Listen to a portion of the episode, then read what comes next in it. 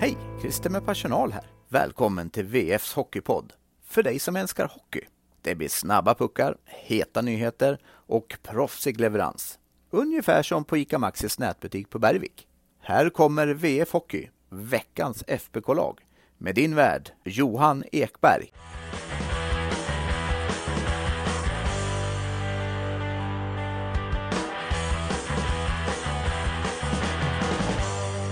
Ni har det att bra gött nu, alla FBK-fans. Vinsterna radas upp på hemmaplan, målen trillar in framåt och stoppas bakåt. Välkomna till en ny version av VF Hockey, veckans FBK-lag. Och för tredje veckan i rad, premiärpoddare för säsongen. Välkommen Simon Hennix. Tack snälla. Det är bra att vi bockar av de här äh, Ja, premiärerna för oss här direkt. Hela VF-sporten ska in i poddvärmen också, såklart, såklart. Du var ju vår utsände på Färjestad-Leksand här på söndagskvällen. Jag såg den på TV hemma med åttaåringen. Vad, vad drar du för någon, eh, fick du med dig någon takeaway från, eh, från den matchen? Förutom kanske Färjestads enorma form just nu så äh, på plats så inramningen, två klackar som Alltså de är lite grann sparade av varandra skulle jag säga. Där när Ja. Leksand började så då ville ju inte Färjestad vara sämre såklart. Så de höjde ju nivån otroligt alltså. Jag, och man sitter ganska nära klackarna också där uppe på pressläktaren så att det hörs ju så himla tydligt också. Mm. Det är ju faktiskt, eh, det ska ju Leksand verkligen ha. Det finns ju inget lag som har sånt bort- bortafölje som dem och skill- där skillnaden mot alla andra är ju även att det kan komma andra lag som har en rejäl bortaklack men de har ju så mycket på sitt plats också. Och eh, får igång lite ramser med eh, blåvita och så vidare. Ja det var ju lite där som man också fick märka, alltså märkte att de körde växelramser med just sin sida och sittplatsen och eh, det är sällan man eh, ja, men ser något sånt på bortaplan framförallt. Mm. Men du, eh, vi ska, ni ska få mycket intressant denna podd, men vi börjar väl med att plocka ut ett veckans lag och i mål, föga överraskande, vi, vi behöver ju inte ens avslöja vem det är, det är tredje veckan i rad, vi har en målvakt som är given. Du får en fråga direkt istället från Sebastian Meyer som har frågat på Twitter. Har Carl Lindbom spelat till sig första spaden nu? Det får man väl eh, nästan säga. Det känns som att man annars stiger ut näsan otroligt om man inte säger det. Eh, om man ser på hans vecka som var nu då med ett insläppt mål på två matcher så eh, är det svårt att säga emot en sån fråga. När han spelade Djurgården här i fjol så under slutspelet, han spelade fem matcher, lite skadad så. Han släppte in 1,33 mål per match. Och det vart ju alla imponerade över och hyllade med all rätt såklart. Nu har han inlett sin SHL-debutsäsong här och har släppt in tre mål på fyra matcher som 20-åring. Mm. Det, tycker, alltså det, det är svårt att förstå och också när man möter honom efter matchen till exempel nu mot Leksand och han är så lugn och han är så ödmjuk i allting. Det, ja, vi får se vart det här kan bära av med liksom fler matcher på, ja, med ryggs, i ryggsäcken så. Mm. Vi hoppar vidare med en fråga till på, på Carl Lindbom och på målvaktstemat. Svante Broholm undrar, jag vet att det diskuterats flitigt, men målvaktsfrågan, kan man peta Lindholm med tank, Lindbom med tanke på hans spel? Peta undrar jag egentligen vad det innebär då. Han kanske inte spelar alla matcher såklart. Eh, han kanske spelar 60-40 kontra Max Legacy. Men eh, det är klart att han nu har stärkt sina aktier extremt och sen kan ju inte Färjestad bara spela Lindbom. Legacy har inte varit dålig heller så att, Nej, det är ju eh, det som är grejen, att han, HV-matchen var, hade han ju väldigt, väldigt stor del i segern. Ja. Så att eh, man, bara för att, lägga, eller bara för att Lindbom gör det här bra här så kan man inte heller bortse från Legacys prestationer än så länge och det har ju varit inte lika bra men det har inte varit långt ifrån trots att han har släppt in kanske lite fler mål än Lindbom. Vi har ju en vecka, vi ska prata om den senare, men där det är eh, Timrå borta på torsdag och Örebro på lördag. Tror du de kommer kunna stå emot och ställa Lindbom mot Örebro i toppmöte mot form, liksom tidig, tidig liksom eh, toppmatch och Beror väl på kanske vad Legacy gör i timmar Ja, för jag tror han står den lite av den anledningen också. Ja, det tror jag blir lite avgörande också. Om han håller nollan i den matchen så är det svårt att peta Legacy gissar jag. Så att, eh, Mm. Men skulle han släppa in eh, två, tre puckar säger vi, de kanske skulle förlora, då hade jag förstått att de vill lägga in Lindbom, Lindbom i kassen där i matchen efter. Målvakterna har pratat om att de har fått bra hjälp av försvarsspelet, så vi hoppar väl framåt då till lite backar. Eh, där den första backen ut i veckans FBK-lag är Mattias Göransson. Två matcher, det är väldigt kort tid för att pra- prata Corsi. Ser man till exempel en spelare som ligger på 45 och en som ligger på 55 över två matcher, då kan man inte dra några slutsatser överhuvudtaget av det. Men när det står 77,78 på det där, på, och då är det alltså skott framåt versus skott bakåt. Då är det sannerligen ett tecken på att du har haft en bra vecka. Det har alltså varit nästan spel mot ett mål när Mattias Göransson varit inne på isen. Och den här då? Ingen annan värsta spelare har varit inne på lika många chanser framåt som han har varit. Det är otippat. Ja det är ju det. Det är ju verkligen det. Eh, Backa ligger ju alltid högre i sådana mängdstatistik för de spelar lite mer. Men likväl, det han, han är etta i dem. Eh, i, i, I den kategorin efter den här veckan. Eh, det enda man saknar med Mattias Göransson Finns det någon som blir mindre glad över att få ett, en målchans än han? Han blev nästan obekväm att ja. få pucken i ett bra läge. Han hade ju här någon gång mot, eh, i veckan nu när han kom och gled in i slottet, ingen går på, han var Fan jag får väl skjuta då liksom. Ja, det var liksom sista möjligheten. Ja, men ja. nej, ingen vill ha pucken, då får väl jag ta tag i det här då och skjuta lite lös i magen på keepern. Back nummer två är betydligt mer skottvillig. Han gillar att ta lägen. Eh, vem är det vi har där efter denna vecka? August Tornberg, mm. som, eh, han spelade inte jättemycket den här veckan, snittade väl 13 minuter lite drygt. Men ändå så sköt han fyra skott och var, ja med det femma i flest skott på mål i laget som back och som defensiv back om man säger så, på Tornberg. Jag tycker, jag varit lite förvånad när jag såg LHC-matchen så han försökte på köksvägen en gång och tänkte nu har jag sett allting här med Tornberg. När han, mm. till och med Tornberg försöker köra köksvägen.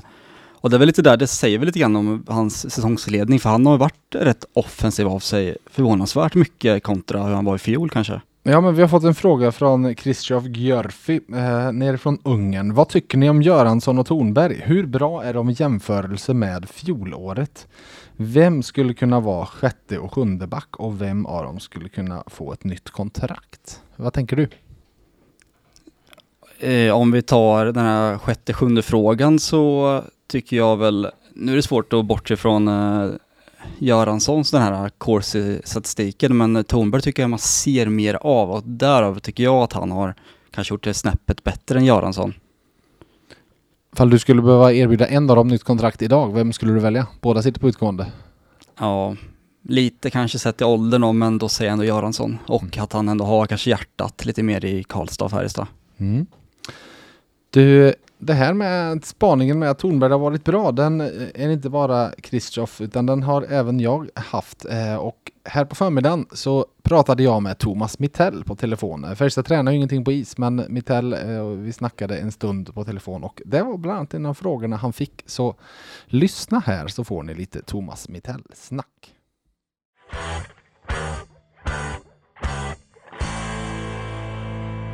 Thomas Mittell, ingen träning på is idag. Varför?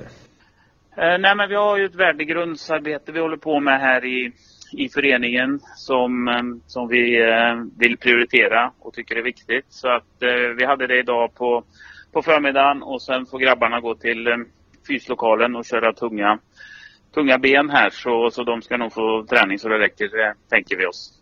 Du, totalt sett då. Vi har sex matcher in i SHL-säsongen. Fem segrar. Ni leder serien. Ni har gjort flest mål. Ni har släppt in minst antal mål. Vad är du som tränare mest nöjd med hittills?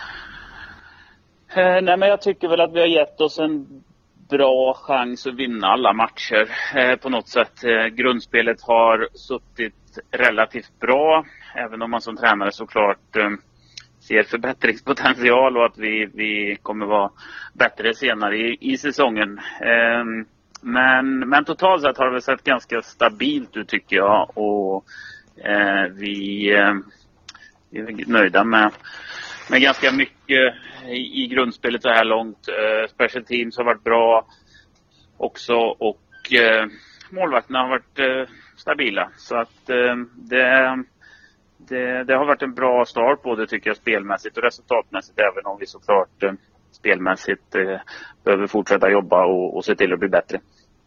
Du var inne lite på olika delar av lagen, laget där. Jag tänkte ta en liten resa igenom det. Ska vi säga att du har ett angenämt målvaktsproblem? Eh, ja, nej men de, eh, jag tycker både Max och Karl har, har sett bra ut och vi känner oss trygga med två bra målvakter och det är ju det är viktigt eh, och de, de kommer fortsätta och, och spelar här bägge två så, så får vi se var, var säsongen tar vägen på något sätt. Så att eh, så här långt har det, har det varit bra. Ett, ett stabilt försvarsspel i mångt och mycket tycker jag framför också. På backsidan där, August Thornberg har vi inte pratat så mycket om. Eh, håller du med mig att eh, han har gjort riktigt bra minuter, de han har gjort hittills? Eh, ja men det tycker jag. Eh, jag tycker att han, precis som hela backsidan, eh, är ju såklart en anledning till att vi har släppt in eh, Eh, minst mål i serien, vilket är bra. Eh, och han, eh, nej, men han har spelat bra och har, har tillfört det, det vi vill att han ska tillföra på något sätt. Så att han är väl också en sån back som som säkert skulle vilja ha några minuter till. men, men som sagt, vi har en konkurrenssituation så att han har gjort det bra med de, de minuterna han fått och, och har satt sig i ett bra, ett bra läge, precis som många andra backar. Mm. På tal om den här konkurrenssituationen så sa du ju innan säsongen att nej det ska inte bli med åtta backar, det ska inte bli någon som hamnar utanför långa stunder. Nu har han varit inne och spelade mot Malmö, Axel Bergqvist, men det likväl har det varit han som varit åttonde back fem av sex matcher. Hur tänker ni där med honom? Uh, nej men vi tänker att just nu så har vi tagit ut laget på det sättet vi, vi har gjort. Eh, och och vi gillar mycket med, med det spelet Axel har och jag tycker att han är, han är betydligt bättre nu än vad han var för ett, för ett år sedan och, och kanske till och med bättre nu än vad han var när han spelade SM-slutspel i fjol. Så att eh, han, han har en bra framtid framför sig och sen eh, det finns det ju som sagt en konkurrenssituation och, och, vi pratar med Axel här så att han är införstådd med vad som gäller. Så, så får vi se hur framtiden utvecklar sig det kommer ju betydligt fler matcher här framöver och det är klart då blir det lättare att, att få alla och ge, ge alla speltid. Ja, precis. Vi har ju spelar ju torsdag, lördag nu och sen är det väl tisdag, torsdag, lördag eh, två veckor i rad tror jag. Så att eh, det, vi, vi som sagt gillar mycket av det han har gjort och, och eh, man blir ju också bättre på, på träning så att eh, vi, eh, vi ska, ska se till att bli bättre som, som lag och som individ här framöver. Framåt då, där har du inte på samma sätt behövt eh, gallra bort folk för att ni, ni har haft några borta. Eh, fall, fall vi börjar med totalt sett med spelarna som, som finns och har spelat. Ska vi kalla det en drömstart med att ni har sån utspridd produktion som ni faktiskt har? Eh, ja men det är väl bra och det är ju en del som man verkligen hoppas få till när, när vi har ett brett lag och ett bredare, bredare forwardsuppsättning i år så är det ju väldigt eh, bra att alla alla lines har levererat. Eh, så att det känns bra och det känns tryggt. Och så som du sa att det var mycket spekulationer innan med, med att vi hade 14 forwards och vilka ska hamna vid sidan. Och hittills har vi inte behövt att ta ett enda beslut på, på forwardsidan. Så att eh, vi, vi är väldigt nöjda och glada med bredden. Och som du var inne på så känns det som att alla lines har, har chippat in och vi har många olika spelar, eh, spelartyper också, vilket vi gillar. Så att eh, det, ja, det känns, känns bra just nu är Marcus Westfält och framförallt hans skridskoåkning det som utvecklats mest under försäsongen? Och ja, eh, nej men absolut så ser ju Westfält ut som, eh, som en spelare som har tagit ett eller två eller tre kliv på, på sin utvecklingssteg och det är vi väldigt glada för. Så han, han har gjort ett grymt jobb, lagt ner mycket tid och han är ju klart bättre den här säsongstarten än vad han var i fjol. Eh, av fullgoda anledningar. Men, nej, men vi är supernöjda med hans, eh, hans utveckling och det känns som att det finns eh, fler steg, fler steg för honom att ta uppåt också så att det, det ser intressant ut. Du var inne på att ni inte behövt ta några beslut på forwardsidan och det är på grund av skadorna ni har haft. Eh, det är många som är oroliga för Henrik Björklund efter smällen i lördags. Vad kan du berätta? Hur, hur mår han idag måndag? Nej men det är väl egentligen inget, inget nytt sådär och vi har väl ingen, ingen brådska och, och Eh, kommunicera något sådär heller. Han har, han har varit här idag och sådär så att eh, det, han är ju eh, så får vi, får vi ta det därifrån egentligen. Så att, eh, men han har varit här idag i alla fall och, och kört lite grann. Så att det får vi se vad som händer framöver. Mm. Ja, vi vet ju som sagt i fjol hur då mådde han bra ett par dagar efter smällen så man vet ju verkligen aldrig med hjärnskakningar överhuvudtaget. De, att man mår bra dagen efter behöver inte betyda att den, man liksom har klarat sig. Nej, vi får, eh, vi får se och avvakta läget här som sagt. Och det finns ingen anledning att spekulera för mycket heller tycker jag inte. Så att eh, vi hoppas såklart på det bästa och, och låter eh, tiden, tiden gå här så, så får vi se hur det utvecklar sig. Hur är läget med Patrik Lund som inte spelade i lördags? Eh, han är här och tränar fys idag och ska känna på lite is och sådär eh, efter fysen. Så, så får vi se. Vi, vi vet väl mer eh, ja, tisdag, onsdag här också. Så att vi, vi får, får avvakta och, och se var det tar vägen. Och i fredags kom ju beskedet bortifrån Nordamerika att Liam Ögren inte skulle behöva opereras. Hur, har han hunnit hem och så vidare och hur, hur ligger det till där framåt?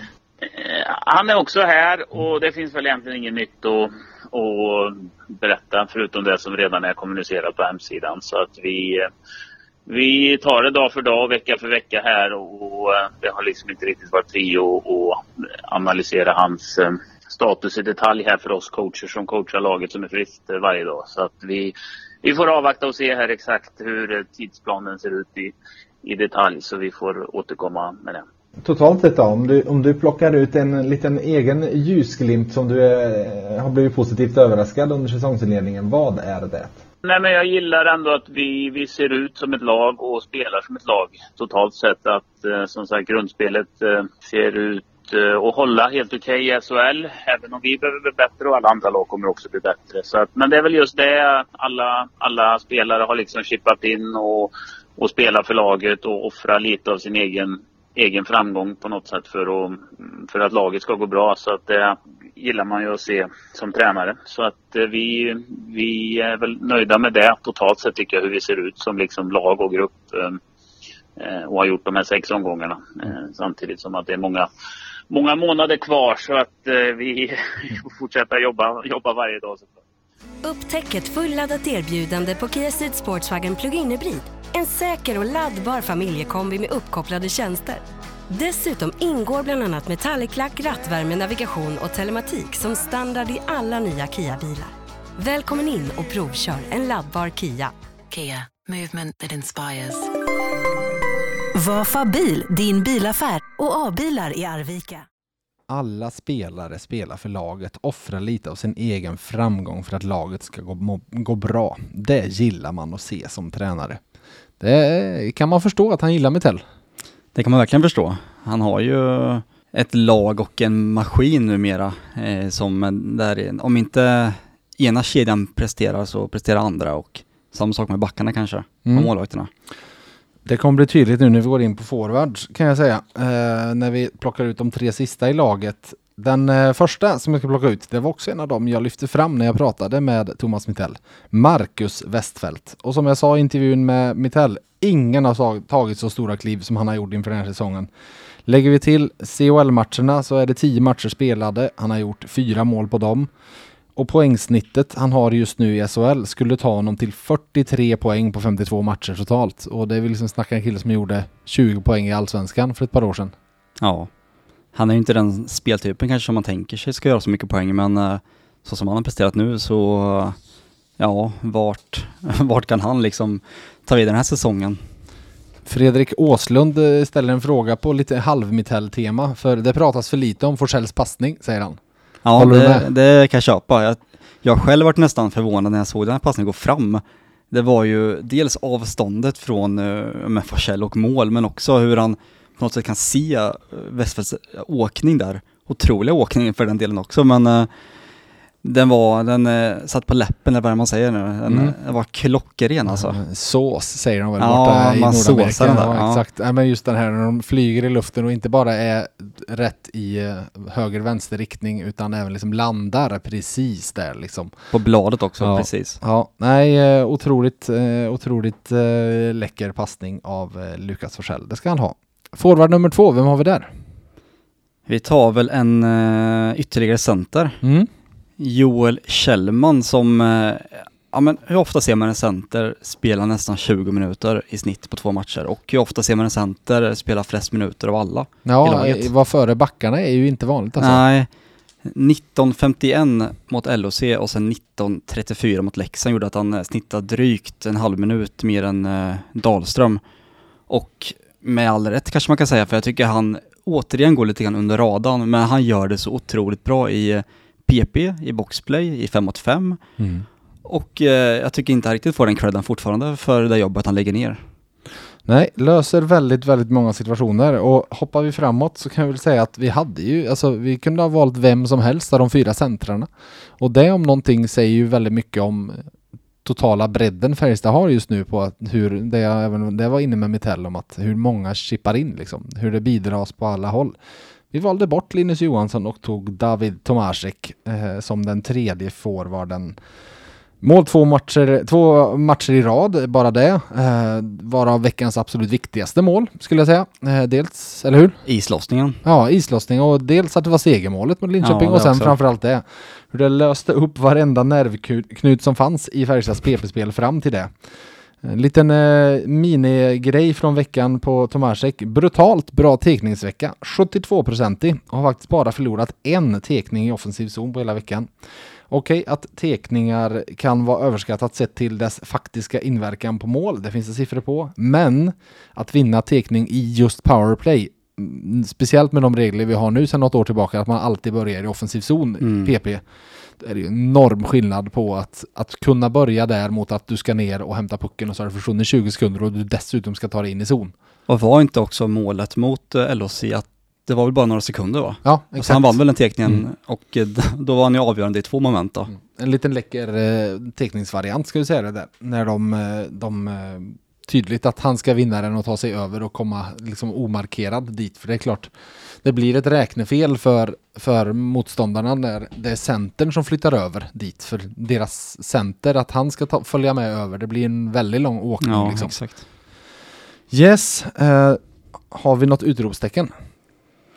Man kan väl eh, väva in det där med PP-spelet och även en viss kille som fick göra sitt första Färjestad-mål på sex år. När det blev Hula Paloo. Ja, precis. Magnus Nygren. Ehm, skönt måste det vara för honom. Inte då att han haft så mycket press på sig kanske, för det som han har hela tiden kanske nämnt att han tror inte att han skulle spela kanske den här tiden. Men just glädjen att han fick göra mål i hans klubb igen tror Ja. jag var enorm alltså. Ja, det var det. Eh, Fredrik Åslund har en fråga även här. Nygrens mål och mållott blev ju helt perfekta kan man konstatera. Du, vad, vad tyckte du som upplevde det på plats? Blev det drag i arenan eller? Ja, jag varit glad själv. Jag hade ju hört den här eh, i livepodden Ja. och eh, tänkte, jag glömde bort nästan att den skulle spelas. Sen när jag fick höra den bara, just det, nu spelas den. Nu är det Hula Paloo. Ja, precis. Och samtidigt så fick han göra mål med klacken framför sig med och det tror jag med gör något lite extra, att han får se hela liksom hemma stå och jubla framför hans ögon. Mm.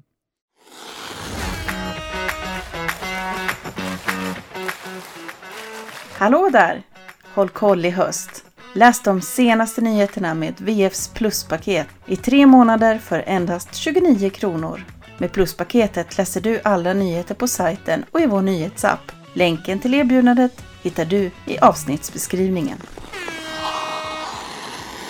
På frågetecken. Ja, det finns inte jättemånga frågetecken i detta Färjestad-lag just nu. Det, går, det rullar som sagt på bra på många, många håll och kanter. Men vi kan väl konstatera att det finns två målvakter, det finns åtta backar, men just idag eh, 11 forwards, så att det är tre stycken borta. Och det är klart att tre borta är ganska mycket. Eh, nu är det en bred forwardsuppsättning, men vi får väl se. Fall eh, Patrik Lund nu kanske kan ta sig tillbaka och börja träna så hade väl det varit fint. För vi, när, vi, när vi ser till de två andra, alltså Henrik Björklund, det, vi får se vad som händer, men som Patrik, eh, eller Par, Parrik heter han till och med, det var jag som läste Patrik, Parrik 9 på Twitter skriver, hur nära är Ögren spel? Och vi kan väl säga att jag tror ju att vi har några veckor kvar dit, även om han nu är tillbaka hit och kanske börjar träna lite.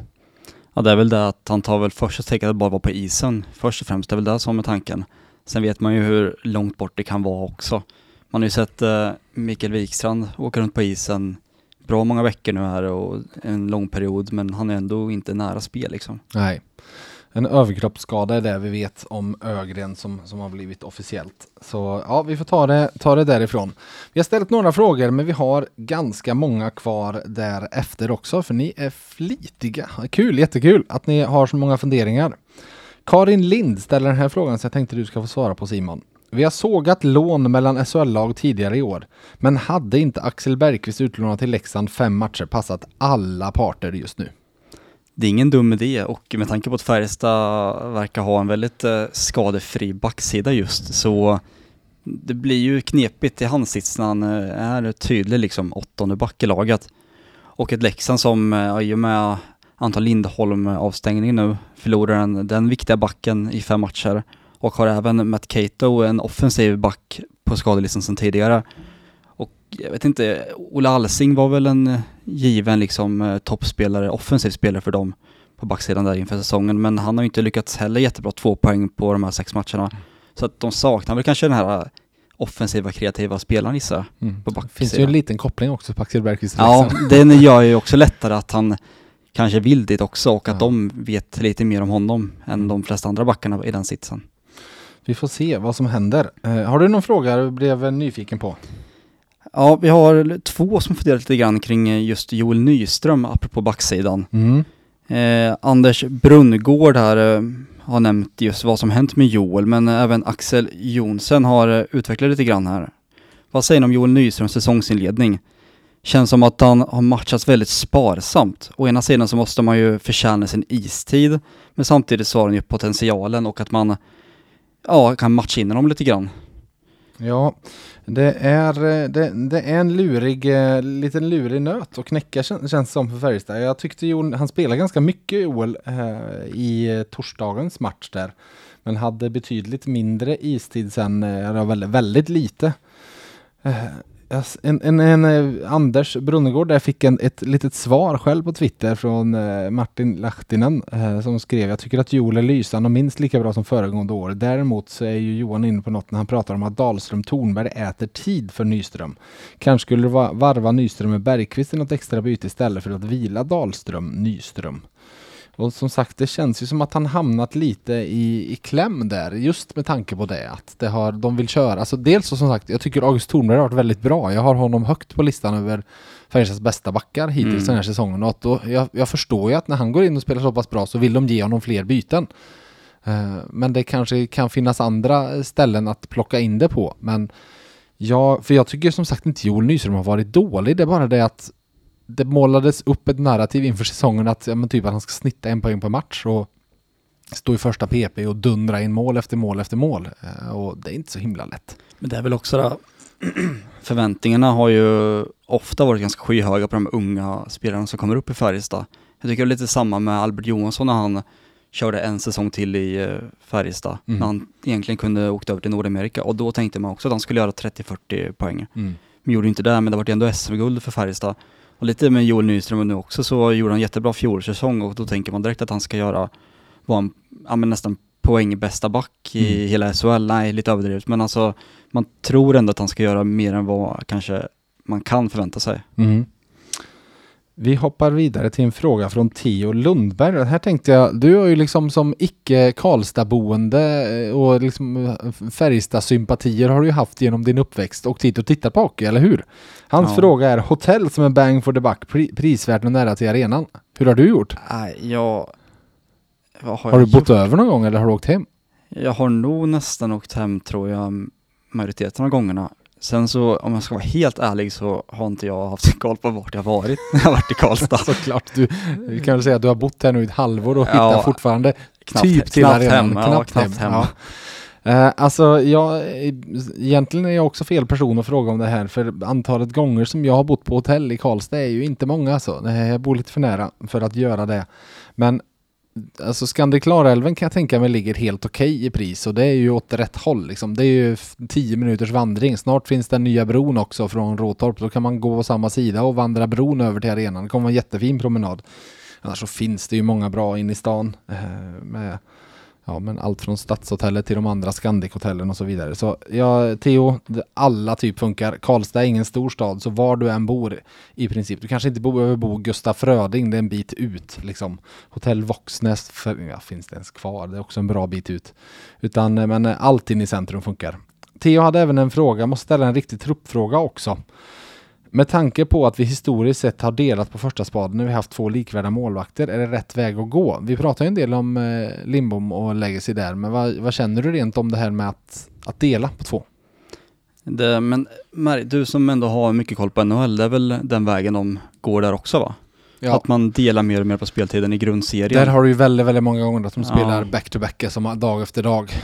Två, två matcher Mm. så, och då delar de ju alltid. Så en andra målvakt i NHL står ju 20-25 matcher minst per säsong. Men många där går ju. Alltså titta på Linus Ullmark som vann Vesina i fjol i Boston. Hur han med Jeremy Swayman, hur de delade på målvaktssysslan sysslan i, i Boston ganska liksom. Så 50-30 är ju ingen ovanlig uppdelning. Eh, så sätt. så. Jag tror att de kommer dela mer på kanske istiden nu till en början.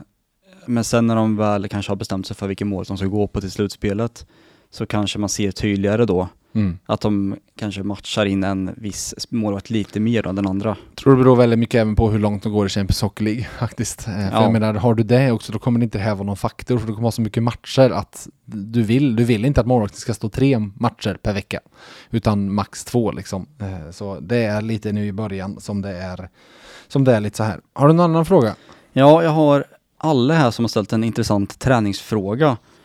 En fundering på ert jobb med att rapportera från träningar. Jag ser att Mittell som tränare som kanske gärna vill hålla jag ser Mittell som en tränare som kanske gärna vill hålla saker hemligt för en och sen överraska i matcher med lite förändringar. Har ni några restriktioner på vad man får rapportera från träningar? Eh, Ja, han har ju ljugit mig rakt upp i ansiktet, till exempel inför match 7 uppe i Luleå Ja, där, när, de, när ni såg på träningen att de tränade på ett annorlunda sätt och han bara nej, nej, nej, jag orkar, de hade västen, jag orkar inte ändra och så vidare. Jo, just det ja. Då trodde jag ju inte på honom för fem öre, det var ju därför vi rapporterade ändå. Vi skrev det inte att det kommer bli så här, men vi skrev det som eh, att han eh, skämtade om det och så vidare. Så här, i, vi, vi har inga restriktioner kring vad, det är aldrig någon som har sagt liksom, ja men det här får ni inte skriva eller något sånt. Eh, sen så är det ju lite, för, för det ska jag även säga, i Karlstad så finns det ju en eh, lunchrestaurang i arenan som är öppen och Färjestad tränar ju väldigt ofta runt lunchtid. Så alla som kommer och käkar lunch kan ju sätta sig och titta på träningen. Så det är ju liksom all, öppet för allmän beskådning på det sättet.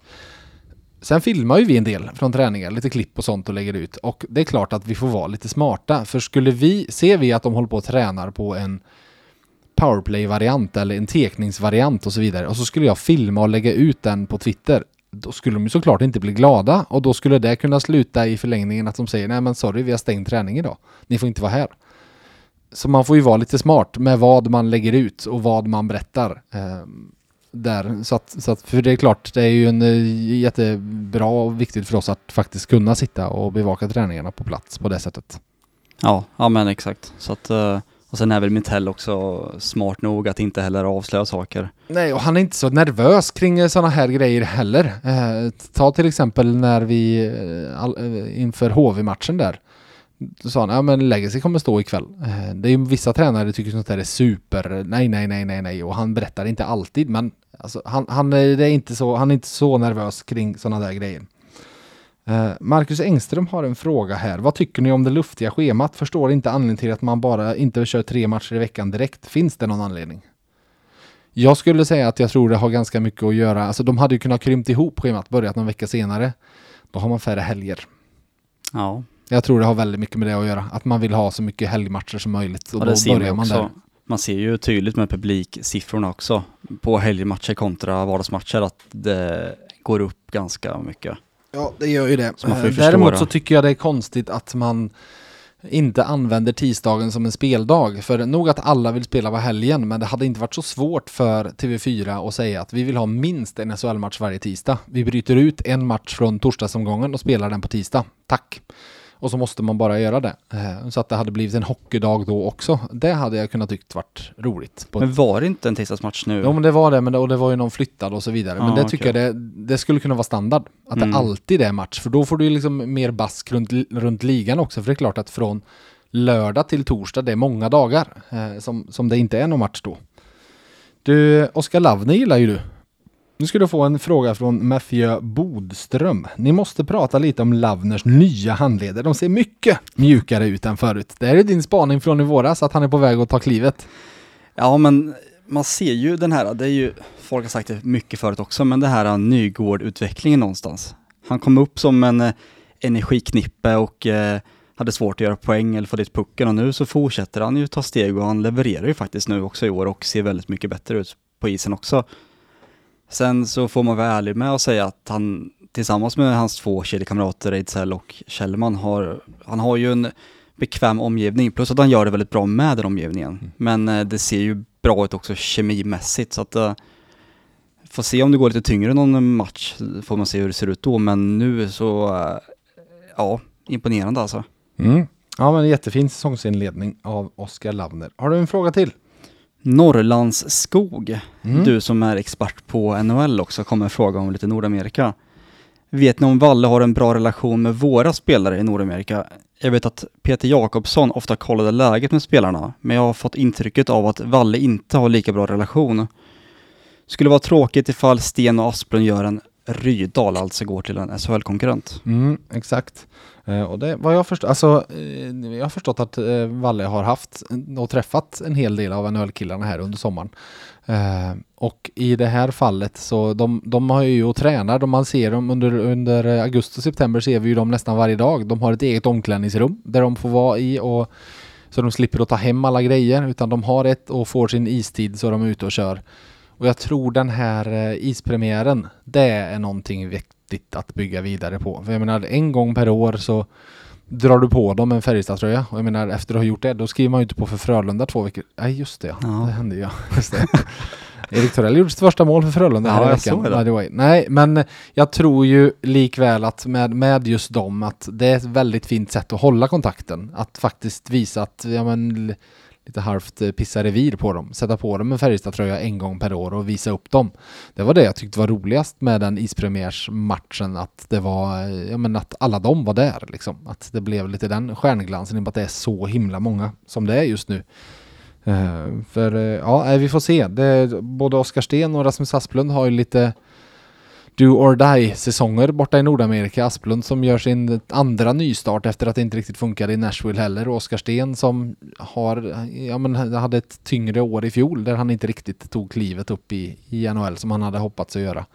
Så skulle, det är ju sådana, det är ju megadrömvärvningar på alla sätt och vis. Sett till ålder och sett till koppling och, och allting. Även fast det är två centrar. Du pratade med Sten i somras nu, fick du intrycket av att han tänker lite grann på Färjestad lite extra så. Jag förstår att kanske tankarna framförallt är på Nordamerika, men får intrycket av att han ändå vill tillbaka till Färjestad. Ja, men jag tror de två har en ganska tydlig koppling hit. Eh, jag skulle, skulle jag sätta pengar så här på vem av dem är mest given att komma hem hit och vem skulle hamna någon annanstans så skulle jag nog tro att Rasmus Asplund snarare hamnar i Schweiz först. Innan han skulle kunna komma hem. Oskar Sten kanske mer trolig. Han har bland annat för att han har ju sin, eh, sin eh, flickvän Frida Svan som bor i Karlstad och spelar innebandy i Karlstad i och för sig. Hon skulle, innebandy i Schweiz hade ju också funkat väldigt bra för henne. Så att, nej man vet inte. Det, men de, de, de, de följer Färjestad och har koll på laget. Något annat eh, finns inte där. Sista frågan. Jonas Skröder, som eh, det är ju såklart så hans efternamn uttalas. Var det Färjestads powerplay som var bra eller Leksands boxplay som var dåligt i lördags? Vad säger du?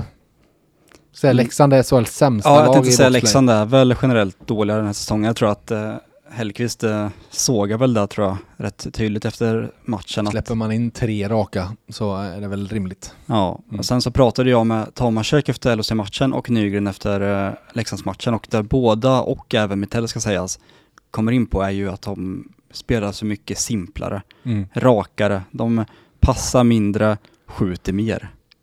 Och eh, Inte svårt. Nej, och som Nygren sa att det kan vara en studspuck eller en turpuck som kommer in och sen lossnar alla möjliga idéer som de har och allting går in och samma idéer som de hade kanske innan det lossnade, det börjar helt plötsligt bara gå in nu istället. Mm. Så att det, det är väl mycket tillfälligheter. Att de gör fyra mål mot Leksand, det kanske man inte kan bara säga är varken deras förtjänst eller Leksands förtjänst. Det är väl en kombination gissar jag. Mm. Tack allihop som har skickat in frågor. Jag ska dra en vinnare bland er här som får en VF Hockeycaps. Eh, så det ska vi lösa. Vi blickar framåt till sist som vanligt mot veckan som kommer där jag på nytt nu säger två raka hemma. Nu väntar två raka bortamatcher för det är en bortavecka. Färjestad kommer resa till Sundsvall med buss redan på onsdag vid lunchtid och därefter hem genom natten till fredag och så har man sedan en betydligt kortare tur på lördag när man ska till Örebro. Två tuffa matcher. Känns som att speciellt med Timrå, de fick igång första serien mot Oskarshamn och började producera och då är det ett, en himla giftig topp 6 de har. det där laget, jag förstår inte att de inte kan producera mer än vad de gör. Alltså offensivt, mest, offensivt så ser de ju otroliga ut. Men har inte Färjestad också en historik uppe i, Det brukar Timrå. gå bra där. brukar gå väldigt bra där och göra mycket mål också. Precis, Nej, men det ska, och det känns som att en nyckel blir för att titta på Timrås backsida, där har de lite folk borta och så vidare. Det är det som kommer vara nyckeln att pressa hem dem. Eh, även fast Anton Lander och Filip Lander och så vidare är duktiga defensiva forwards också, så känns det som att det blir en stor nyckel i Färjestad för matchen, att inte fastna i egen zon. Ja, för då är de giftiga. Ja, de, de kommer göra mål. De har ju några som, som sätter mer än, mer än ö, genomsnittet. Jag ser nästan faktiskt mest fram emot lördagsmatchen ändå. Eh, ett eh, Örebro-Färjestad där Örebro har sett ohyggligt bra också eh, och ligger ju på samma poäng som Färjestad. Så att det kan vara spela om en serieledning där. Ja, vad tror du då? Jag tror att den kan bli tuff. Ja men det tror jag. Eh, men bettar du emot Carl Lindbom i den formen han är just nu eller? Ja, jag får kanske göra det. Han har ju inte mött Örebro än så att just det. Läckerimäki borde han om någon borde väl Ja, veta var just man ska skjuta på Lindbom. han har väl gjort tre, fyra mål redan den här säsongen. exakt, Så exakt. Ja. Spännande vecka som väntar, helt klart. Eh, och till er lyssnare så får ni fortsätta njuta av livet. Och eh, Simon, först tack till dig. tack själv. Och ni andra, ha det gött!